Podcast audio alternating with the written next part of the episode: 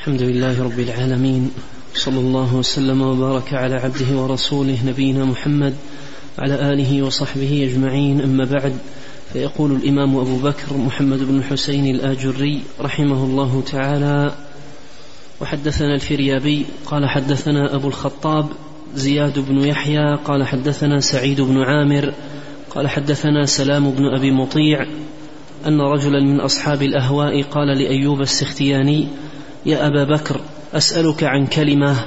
قال فولى أيوب وجعل يشير بإصبعه ولا نصف كلمة ولا نصف كلمة. بسم الله الرحمن الرحيم. الحمد لله رب العالمين وأشهد أن لا إله إلا الله وحده لا شريك له وأشهد أن محمدا عبده ورسوله صلى الله وسلم عليه وعلى آله وأصحابه أجمعين. اللهم علمنا ما ينفعنا وانفعنا بما علمتنا وزدنا علما وأصلح لنا شأننا كله ولا تكلنا إلى أنفسنا طرفة عين. أما بعد لا نزال في باب ذم الخصومة والجدل. وذم الخصومات والجدل. أورد رحمه الله هذا الأثر. عن أيوب السختياني رحمه الله أن رجلا من أصحاب الأهواء دخل عليه وقال يا أبا بكر أسألك عن كلمة. قال فولى أيوب وجعل يشير بإصبعه ولا نصف كلمة ولا نصف كلمة. هذا الأثر وله نظائر عن أئمة السلف رحمهم الله تعالى يراد به قمع أهل البدع وزجرهم عن بدعتهم وعدم تمكينهم من إلقاء شبهاتهم إذ قد يلقي صاحب الهوى بدعته في مجلس العالم فتدخل الشبهة على بعض من حوله. وتؤثر عليه. فكانوا يحولون بين أهل الأهواء وبين إلقاء شبهاتهم لأن صاحب البدعة يأتي وهو محمل بالشبهة التي أمرضت قلبه بالهوى ويريد نقل ذلك إلى الآخرين. فقول السختياني رحمه الله تعالى ولا نصف كلمة. هذا فيه عدم الإتاحة إتاحة الفرصة لهؤلاء من إلقاء ما عندهم من شبهات. نعم. قال رحمه الله تعالى وحدثنا الفريابي قال حدثنا يعقوب بن إبراهيم قال حدثنا سعيد بن عامر قال سمعت جدي أسماء بن خارجة يحدث قال دخل رجلان على محمد بن سيرين من أهل الأهواء فقال يا أبا بكر نحدثك بحديث؟ قال لا. قال فنقرأ عليك آية من كتاب الله؟ قال لا. لتقومن عني أو لا أو لأقومنه. وهذا نظير الذي قبله في عدم التمكين لأهل الأهواء من إلقاء شبهاتهم.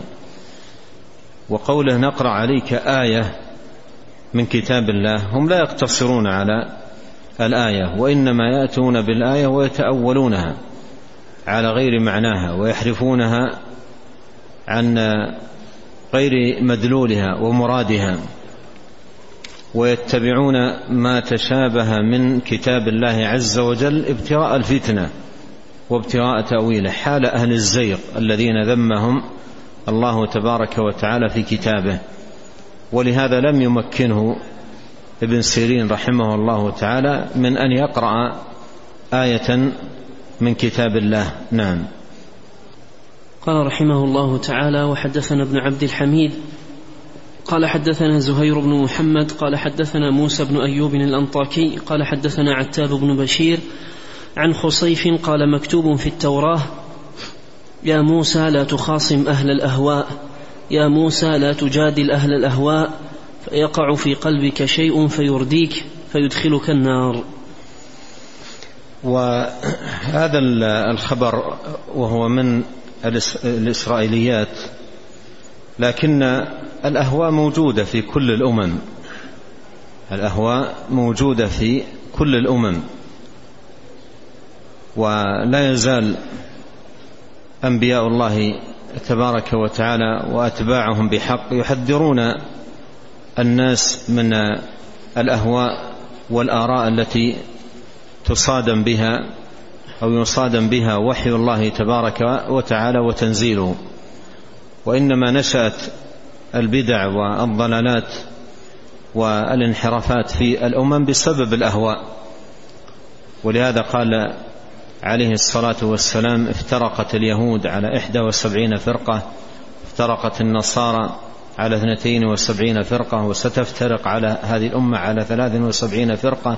هذا الافتراق كله في الأهواء وبسبب الأهواء. نعم. قال رحمه الله تعالى قال زهير سمعت أحمد بن حنبل رحمه الله يقول سمعت مروان بن شجاع يقول سمعت عبد الكريم الجزري يقول ما خاصم ورع قط في الدين. هذا الأثر عن عبد الكريم الجزري يقول ما خاصم ورع قط في الدين لأن الورع مبني على صيانة الدين وحفظه والرعاية له والخصومة فيها مخاطرة بالدين وهي ولا شك تتنافى مع الورع وما ينبغي أن يكون عليه المرء من صيانة لدينه ورعاية لإيمانه. نعم. قال رحمه الله تعالى وحدثنا ابن عبد الحميد قال حدثنا زهير قال أخبرنا أبو خالد قال حدثنا سفيان عن عمرو يعني ابن قيس قال قلت للحكم ما اضطر الناس إلى الأهواء؟ قال الخصومات. قوله ما اضطر الناس إلى الأهواء أي ما الذي أوصلهم إليها؟ وجعلهم يقعون فيها ويكونون من أهلها. ما الذي اضطرهم؟ مع أن الحق واضح وبين وظاهر ومعالمه بينة. ما الذي اضطرهم إلى هذه الأهواء وأوقعهم فيها وصاروا من أهلها؟ قال الخصومات. الخصومات أي في الدين. والخصومة في الدين أي جعل الدين غرضا للخصومات. يورث الأهواء ويترتب عليه نشأة البدع وحدوثها. ومما يعرف في كتب المقالات وأسباب نشأة الفرق أن عددا منها نشأ في الخصومة بمعنى أن أن من نشأت على يديه البدعة أراد أولا الرد على بدعة قائمة. أراد الرد على بدعة قائمة فرد عليها ببدعة أخرى وصارت مذهبا له وصارت مذهبا له. والبدعة نفسها يختصم أهلها فيها فيتوالد منها بدع وهذا معروف في كتب المقالات وكتب الفرق. تجد أن البدع تنشأ على خطين خط متولد من البدعة نفسها بسبب الخصومة بين أهل تلك البدعة في البدعة نفسها والخط الآخر مضاد لها في مساق الرد عليها وإبطالها ولكن ببدعة أخرى ولكن ببدعة أخرى.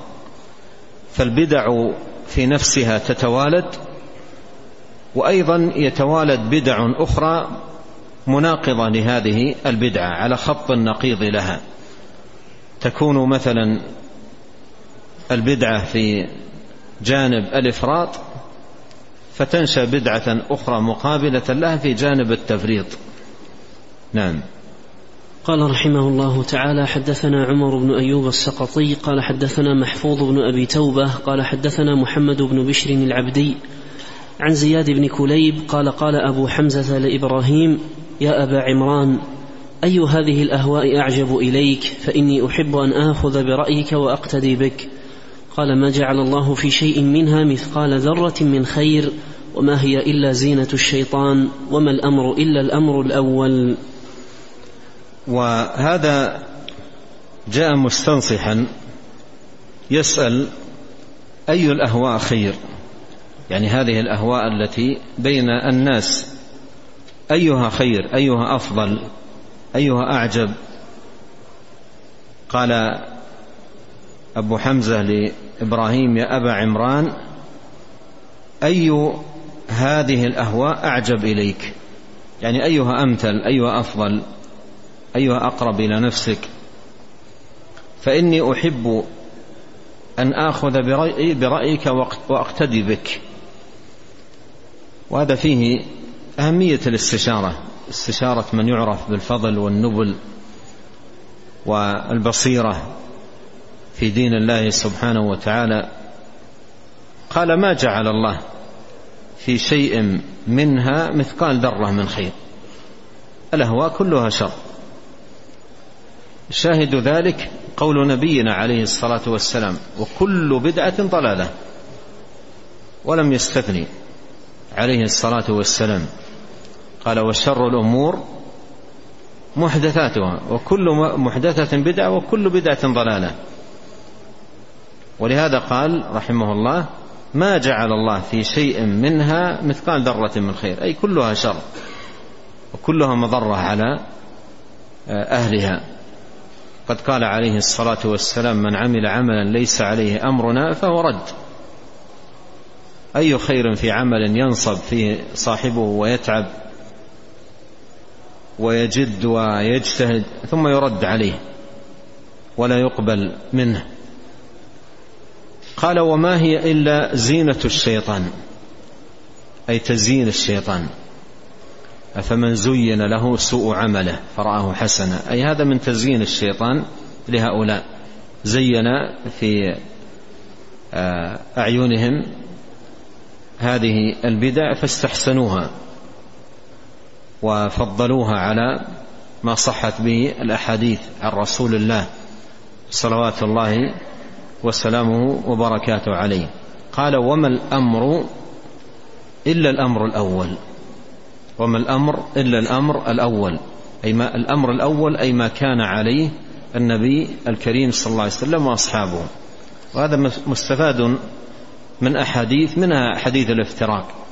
قال وستفترق هذه الأمة على ثلاث وسبعين فرقة كلها في النار إلا واحدة. ف سألوه عليه الصلاة والسلام من هم؟ قال من كان على مثل ما أنا عليه اليوم وأصحابي. هذا هو الأمر الأول. الأمر الأول هو ما كان عليه النبي الكريم عليه الصلاة والسلام وأصحابه. نعم. قال رحمه الله تعالى حدثنا عمر بن أيوب قال حدثنا محفوظ قال حدثنا إبراهيم بن خالد الصنعاني قال حدثنا رباح بن زيد عن معمر عن ابن طاووس عن أبيه أن رجلا قال لابن عباس رضي الله عنهما الحمد لله الذي جعل هوانا على هواكم. قال فقال ابن عباس رضي الله عنهما الهوى الهوى ضلالة الهوى كله ضلالة. هذا الرجل قال لابن عباس رضي الله عنهما الحمد لله الذي جعل هوانا على هواكم. هذا خطأ في التعبير.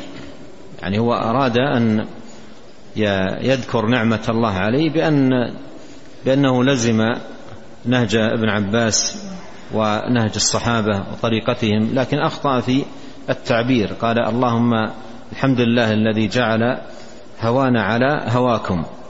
أراد أي نهجنا على نهجكم.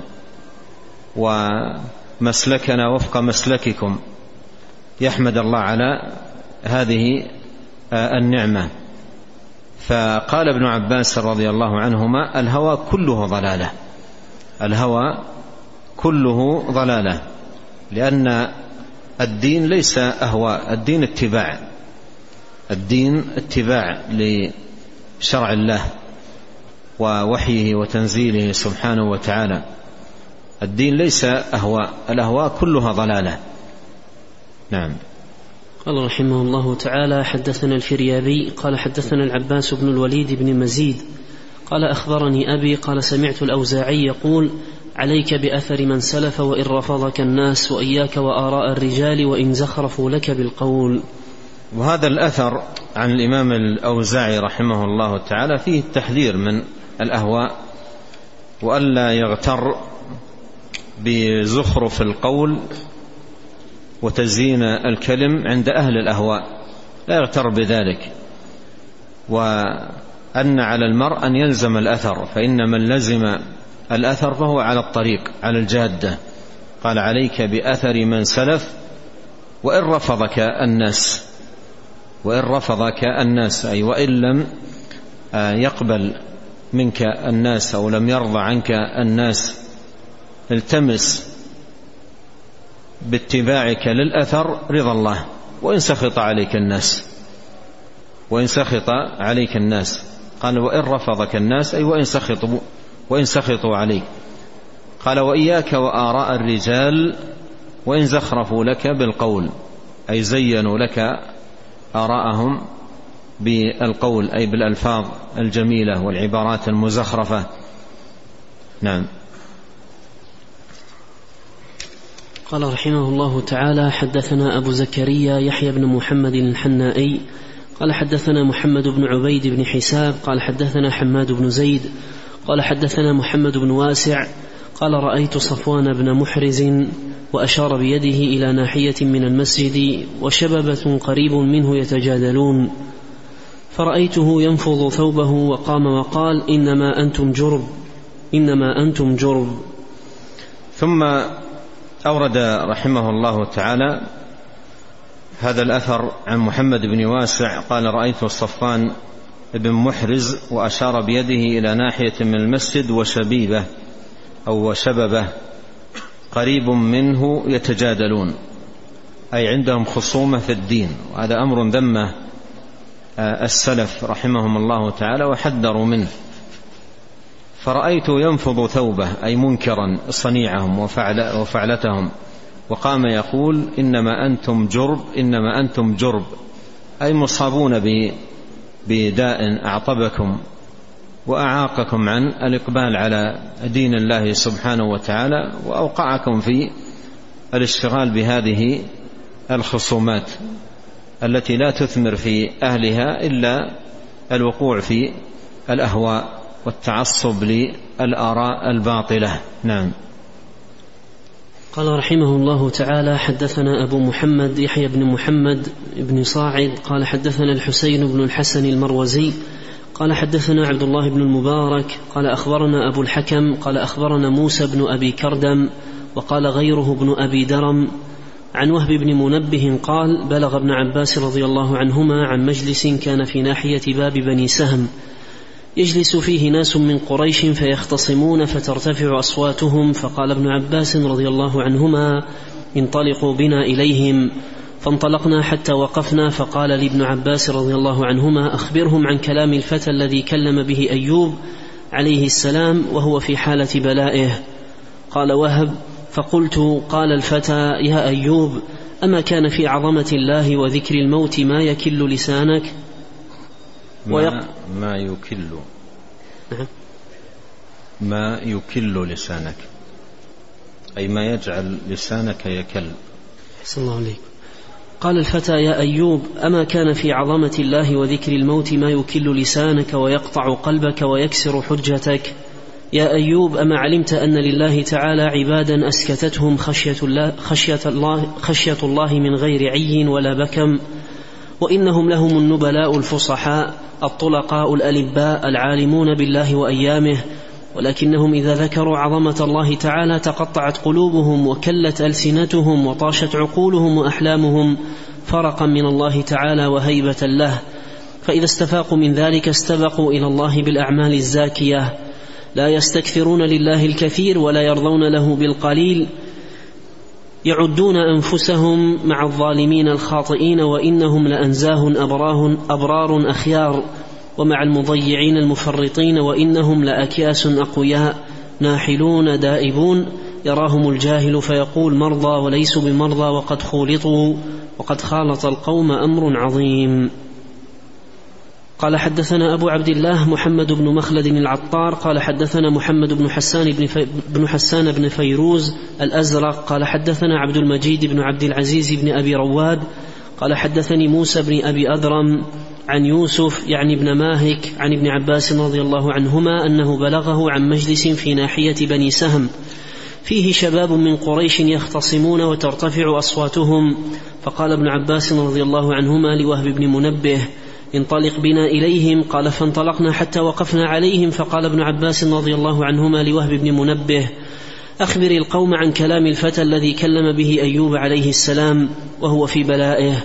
فقال وهب قال الفتى يا أيوب لقد كان في عظمة الله تعالى وذكر الموت ما يكل لسانك ويقطع قلبك ويكسر, ويكسر حجتك.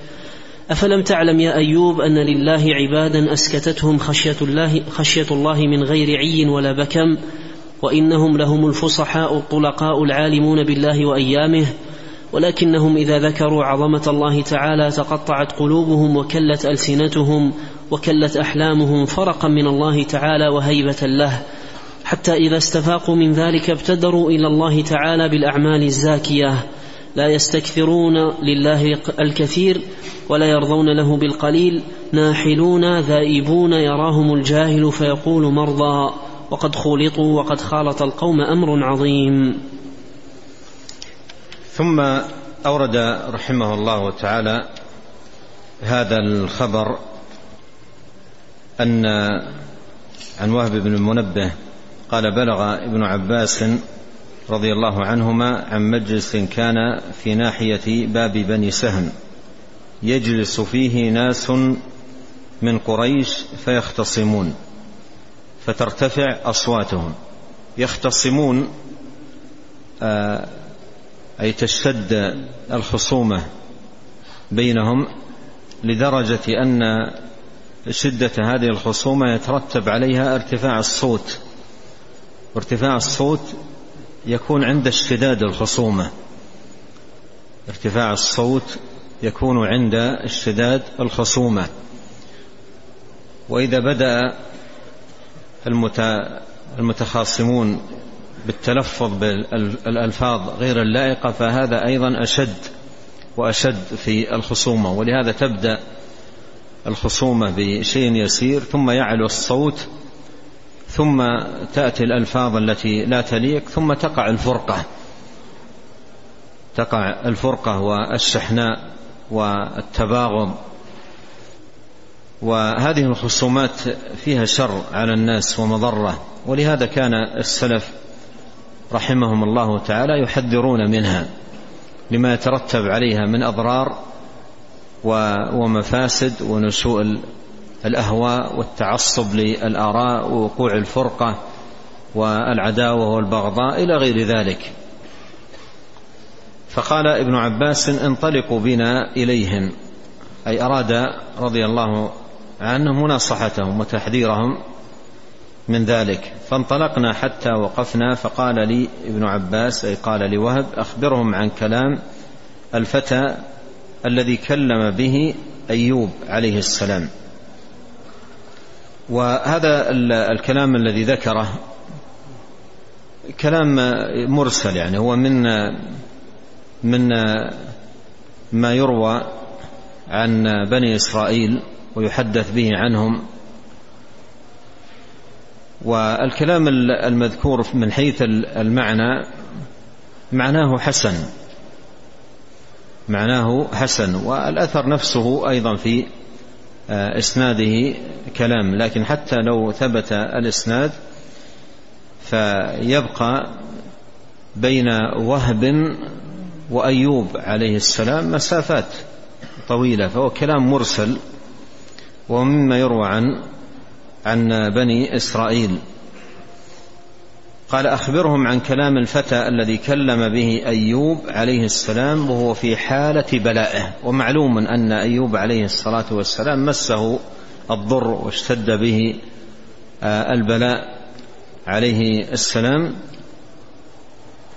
قال اخبره بكلام الفتى الذي كلم به أيوب. قال وهب.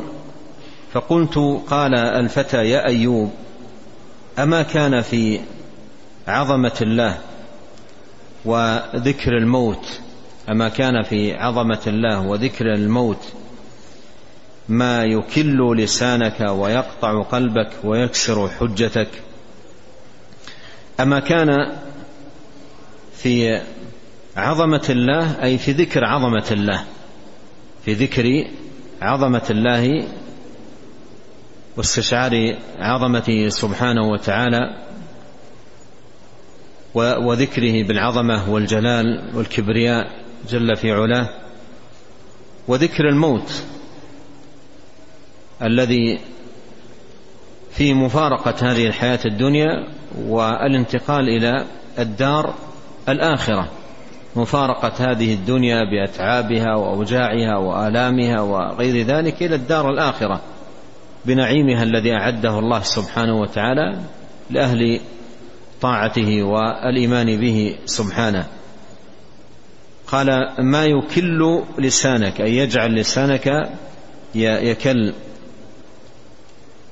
ويقطع قلبك أي فرقا وخوفا أو يقطع قلبك. ويكسر حجتك. يا أيوب أما علمت أن لله تعالى عبادا أسكنتهم خشية الله من غير عي ولا بكم. أسكنتهم أي كانوا من أهل السكينة والطمأنينة وقلة الكلام. وليس قلة كلامهم من عجز عن الكلام وعدم قدرة على الكلام. وإنما من ما قام في قلوبهم من الورع والخوف وخشية الله سبحانه وتعالى. قال من غير عي ولا بكم. ليس عندهم عي عدم قدرة على الكلام. وليس فيهم بكم لا يتكلمون. لكن الذي منعهم من الكلام خشية الله سبحانه وتعالى. خشية الله جل وعلا. قال وإنهم لهم النبلاء أي في عظيم آه، أخلاقهم وكريم آدابهم. والفصحاء أي في طلاقة منطقهم وحسن بيانهم ليس فيهم عي ولا عدم قدرة على الكلام بل هم فصحاء. والطلقاء أي الأحرار من رق الشهوات والأهواء. والألباء أي في زكاء عقولهم وذكائهم وحسن فطنتهم. العالمون بالله وأيامه وتروى وآياته. ومن كان بالله يعرف كان منه أخوف إنما يخشى الله من عباده العلماء. ولكنهم إذا ذكروا عظمة الله تقطعت قلوبهم وكلت ألسنتهم وطاشت عقولهم وأحلامهم فرقا أي خوفا من الله وهيبة له. فإذا استفاقوا من ذلك استبقوا إلى الله بالأعمال الزاكية. استبقوا أي تسابقوا وسارعوا إلى الأعمال الزاكية لا يستكثرون لله الكثير ولا يرضون له بالقليل.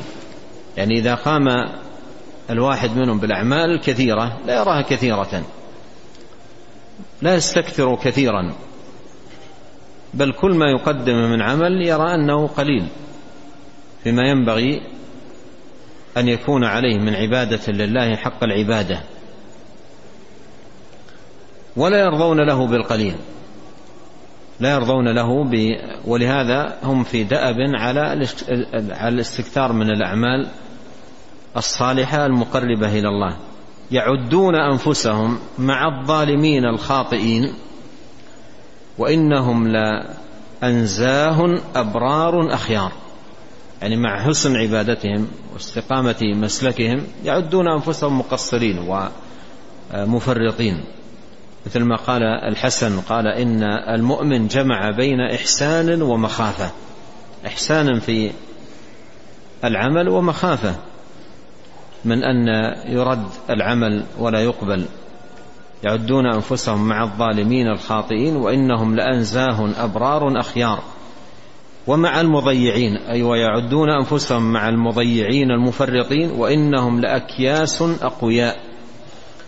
ناحلون دائبون أي في العبادة يراهم الجاهل فيقول مرضى. يراهم الجاهل فيقول مرضى. وليسوا بمرضى. يراهم الجاهل ويقول مرضى وليسوا بمرضى.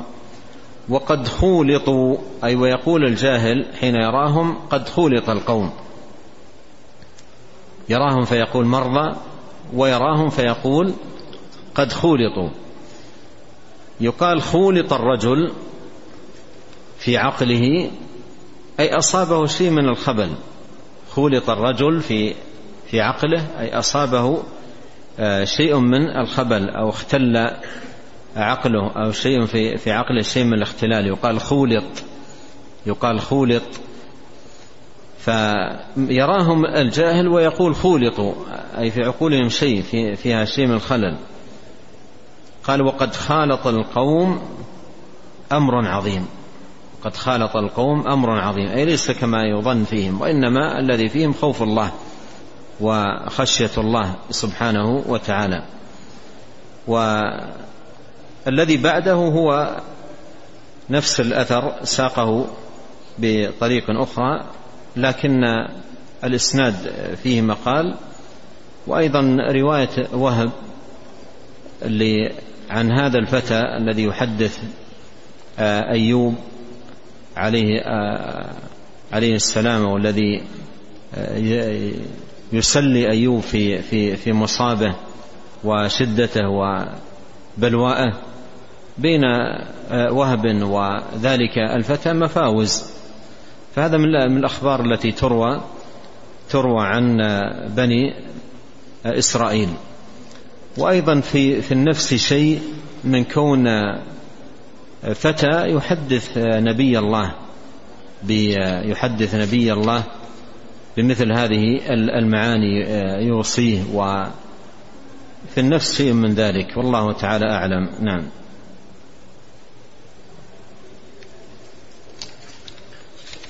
قال رحمه الله تعالى حدثنا ابن عبد الحميد قال حدثنا زهير قال حدثنا أبو حذيفة الصنعاني قال حدثني عبد الصمد بن معقل أنه سمع وهبا يقول دع المراء والجدال عن أمرك فإنك لا تعجز أحد رجلين رجل هو أعلم منك فكيف تماري وتجادل من هو أعلم منك؟ ورجل أنت أعلم منه فكيف تماري وتجادل من أنت أعلم منه؟ ولا يطيعك فاقطع ذلك عنك. أعد دع, دع المراء. دع المراء والجدال عن أمرك. فإنك لا تعجز أحد رجلين. رجل هو أعلم منك فكيف تماري وتجادل من هو أعلم منك؟ ورجل أنت أعلم منه فكيف تماري وتجادل من أنت أعلم منه أعلم منه ولا يطيعك؟ فاقطع ذلك عنك. ثم أورد رحمه الله هذا الأثر عن وهب ابن منبه رحمه الله وهو من علماء التابعين. يقول دع المراء والجدال عن أمرك أي لا تشتغل بالجدال والمراء. فإنك لا تعجز أحد رجلين أي لا تخلو في مرائك ومجادلتك من أن تكون مجادلا لأحد رجلين. إما رجل هو أعظم هو أعلم منك أعلم منك فكيف تماري وتجادل من هو أعلم منك؟ أي أعلم منك ببصيرة وفهما ودراية بالدين. ورجل أنت أعلم منه. الحالة الثانية رجل أنت أعلم منه. فكيف تماري وتجادل من أنت أعلم منه ولا يطيعك؟ ولا يطيعك. لأن لأنه هو في مماراة ومخاصمة معك. لا يطيعك. فاقطع ذلك عنك. يعني في كلتا الحالتين آه، مماراتك لا ثمرة لها. مماراتك لا ثمرة لها. إن جادلت من هو أعلم منك فهو أعلم. والحجة عنده أقوى والبرهان عنده أوعب وأوسع مما عندك. وإن كان أقل منك وفي الوقت نفسه يجادلك ويماريك لا يطيعك ولا يأخذ عنك ما عندك من علم ما أصبح لمماراته لك ثمرة.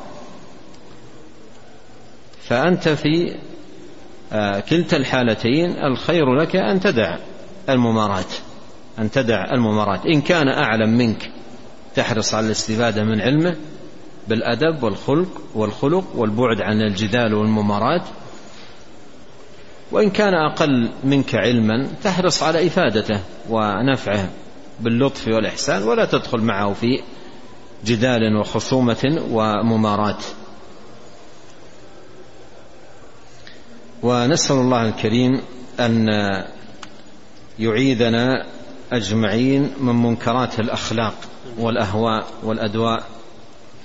وأن يصلح لنا شأننا كله وألا يكلنا إلى أنفسنا طرفة عين وأن يهدينا أجمعين إليه صراطا مستقيما وأن يؤلف بين قلوبنا وأن يصلح ذات بيننا وأن يهدينا سبل السلام وأن يخرجنا من الظلمات إلى النور.